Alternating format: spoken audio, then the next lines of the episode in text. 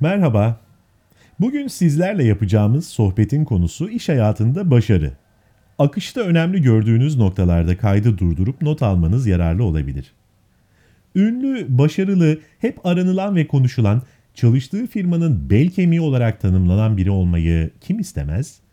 Kimileri için bu hali hazırda gerçekleşmiş ya da gerçekleşmesi çok yakın bir hedeftir. Kimileri için ise bu saydıklarım henüz bir hedef bile olmaya yaklaşamamıştır. Çünkü bu bir tercih meselesi. Siz de benim herhangi bir kariyer beklentim yok öyle büyük başarılar peşinde filan değilim diyebilirsiniz. Eğer böyle düşünüyorsanız şu an muhtemelen halinizden memnunsunuz ve işler de iyi gidiyor demektir. Doğrusu çoğu çalışan için her ay maaşını düzenli alabilmek önemli bir şey. İyi ama hepsi bu mu? Örneğin yarın bir gün kontrolünüz dışında gelişen beklenmedik bir değişim sizi doğrudan hedef tahtasına koyarsa ne olacak? Niyetim canınızı sıkıp hayallerinizi yıkmak değil elbette ama hayatın dikensiz bir gül bahçesi olmadığını söylemekte de yarar var.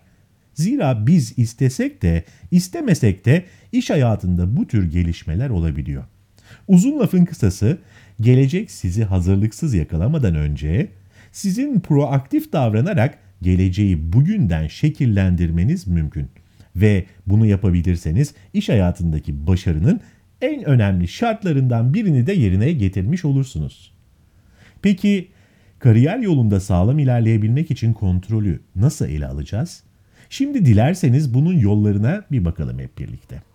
Kural 1. Kişisel vizyonunuzu oluşturun.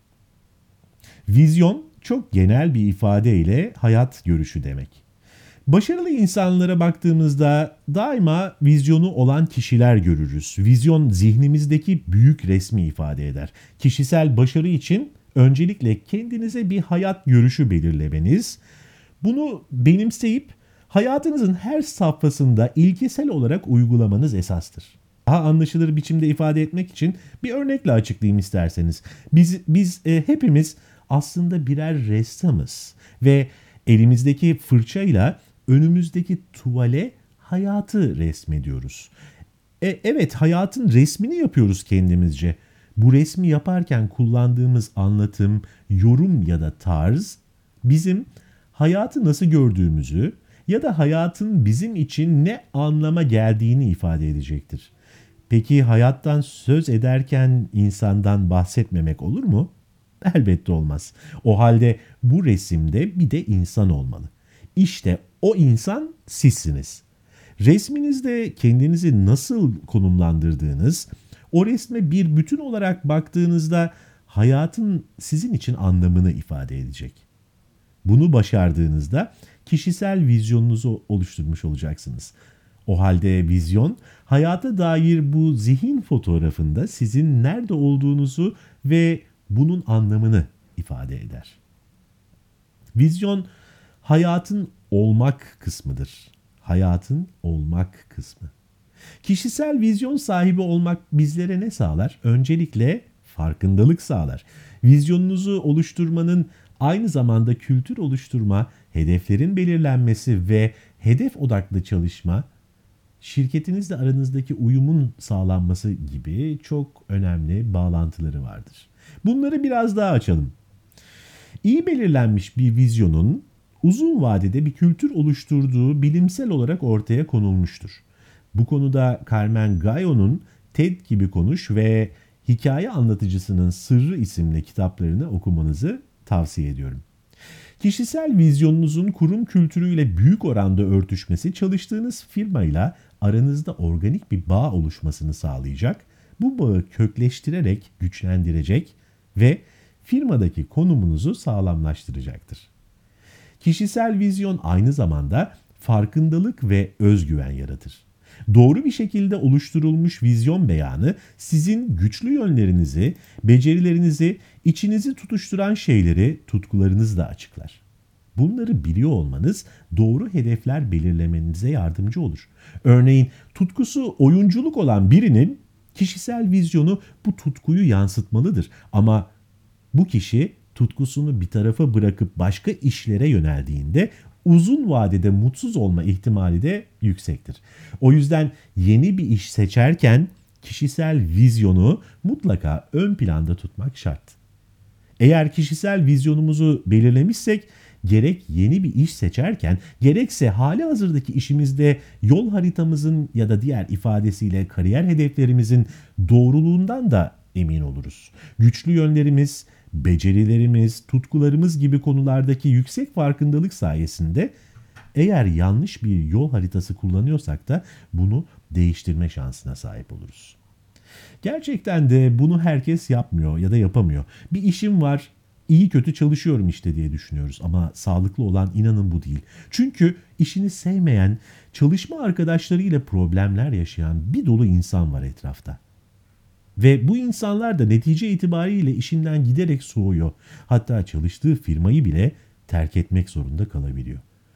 İşimizi sevmemizin püf noktası tutkumuzu vizyonla ifade etmek ve bunu bir işe dönüştürebilmektir. Vizyon belirlemenin belirli kuralları bulunuyor. Öncelikle evrensel bir dil kullanılmalı. Amaç bir varoluş sebebi olarak açık ve net olarak ortaya konulmalı. E, spesifik olmalı yani kim ve ne sorularına açık yanıtlar vermeli. Vizyon beyanınızı okuyan birisinin ilgisini çekmeli. Toplum ya da bir topluluk için artı değer sunmalı. Şirketler yaşayan organizmalara benzer ve tümünün bir varoluş amacı yani vizyonu vardır. Kişisel vizyonunuzun şirket vizyonuna uyuyor olması uzun vadede hem siz hem de şirket için önemli bir avantajdır aslında. E, zaten siz de o şirketin çalışanı olarak beklenen sizden e, o iş yerinin kültürünün bir parçası, bir temsilcisi olmanız değil mi? Daha iyi anlaşılabilmesi için ben yine bir örnek vereceğim. Bu sefer bu örnek ilaç firmasından. Varoluş amacını yani vizyonunu insanların sağlığına adamış olan bir ilaç şirketinin çalışanı olarak kişisel vizyonunuz insan ve sağlık odağında olmalı. E, büyük resim bu ama bu büyük resmin içinde de kendi farklı duruşunuz olabilir tabii. Yine bunu bir örnekle açıklamam gerekirse e, örneğin o ilaç firmasının klinik araştırmalar biriminde çalışıyorsunuz diyelim. Yaptığınız işin hastalara umut olduğunun farkında olmanız ve işinizi bu bilinçle yapıyor olmanız gerekir. Bu durumda şu şekildeki bir vizyonu belirlemiş olabilirsiniz. İnsanlığın sağlığı için çalışarak kanser hastaları da yararlı olacak yeni tedavi yöntemlerinin gelişmesine, geliştirilmesine katkı sağlamak. Bu cümlede bir varoluş amacı var. Bütünsel bir fayda teklifi ve değer katma söz konusu. Hayata dair bu zihin fotoğrafında nerede olduğunuzu belirlemek ve vizyonunuzu oluşturabilmek için tutkunuzu ifade etmek dışında kendinize bir takım yardımcı sorular da sorabilirsiniz. Örneğin bir birey olarak ne kadar değerliyim? Neden değerliyim? Diğer insanlar için benim önemim ve sağladığım katma değer nedir? Hem kendime hem çevreme faydalı olabilmek adına bugüne kadar ne tür yatırımlar yaptım? İşte bu soruların cevapları aynı zamanda sizin kişisel başarınızın bir göstergesi olacak. Aldığım liderlik koçluğu sayesinde ben bu sorulara kendi cevaplarımı buldum. Şayet doğru yanıtları bulmakta güçlük çekiyorsanız siz de bir liderlik koçluğu almayı tabii ki düşünebilirsiniz. Bu çok yararlı olacak. Ee, ben bu süreçte kendimle ilgili birçok bilinmeyeni keşfederek önemli bir farkındalık düzeyine ulaştım aslında. Keşfettiğim şeylerden biri de tam olarak kendi hayat görüşümü tanımlama ihtiyacımdı. E, vizyon oluşturmada iyi bir sonuca ulaşabilmek için sizlere e, belirli kalıplar verebilirim. Mesela şu söyleyeceklerimi lütfen not alın ve daha sonra benim bıraktığım yerden siz tamamlamayı deneyin. Mesela benim iç ateşim olarak tanımlayabileceğim şeyler şunlar, şunlar, şunlar. Benim içimi şenlendiren, yapmaktan mutluluk duyduğum şeyler. Benim bu hayattaki tutkum, e, bu hayattaki varoluş sebebim gibi e, cümleleri tamamlamayı de, denemenizi tavsiye ediyorum. E, şimdi bütün bunlar güzel de ben yine de bu cümleleri tamamlayamıyorum. E, az önce sorduğunuz soruların e, cevaplarını bulamıyorum diyorsanız sürecin biraz daha başındasınız demektir. Bu durumda size tavsiyem hobilerinize zaman ayırın. Keyif duyduğunuz şeylere yönelin. E, böylece kendi iç yolculuğunuzda kendinizi keşfetmeniz çok daha kolay olacak. Örneğin benim iç tutkum tiyatro. Öyleyse keyifle çalışıp para kazanmak için tutkumu bir işe dönüştürebilir miyim? Olabilir de olmayabilir de. Bu hedefe ulaşmak için yapılması gereken her şeyi yapmış olmam benim yarın hemen oyuncu olacağım ve bu işten para kazanacağım anlamına gelmiyor. Çünkü benim kontrolümün dışında başka kriterler de var ve benim keyif alabileceğim, mutlu olabileceğim bir işte çalışıp para kazanmam gerekiyor. O zaman tutkumdan vazgeçmeyeceğim ama bana devamlılık sağlayacak bir de B planım olmalı. E, bunun için oyunculuk tutkumla birlikte sahip olduğum güçlü yönlerimin ve becerilerimin farkında olmam gerek. Peki nedir o? Kendimden yine örnek vererek hemen söyleyeyim. Hikaye anlatıcılığı. Tiyatronun tanımı da tam olarak bu zaten. Ünlü aktörlerimizden Emre Kınay'ı bilirsiniz. Kendisiyle bir konuşmamız sırasında bana şöyle demişti. Oyuncu dediğimiz kişi farklı farklı dünyaları sahne adı verilen birkaç metrekarelik alana sığdırarak insanlara sunan bir hikaye anlatıcısıdır aslında demişti. Yani burada kıssadan hisse şu. Eğer bir B planı uygulamak zorunda kalırsanız bu alternatif planınızda bile tutkunuzu yaşatacağınız fırsatlara yer verebilirsiniz. Kişisel vizyonu belirlemek çok önemli ama tek başına yeterli değil. Bunu tamamlayacak misyon ve değerler de var. Bu da bir sonraki e, görüşmemizin konusu olacak. Şimdilik bu kadar.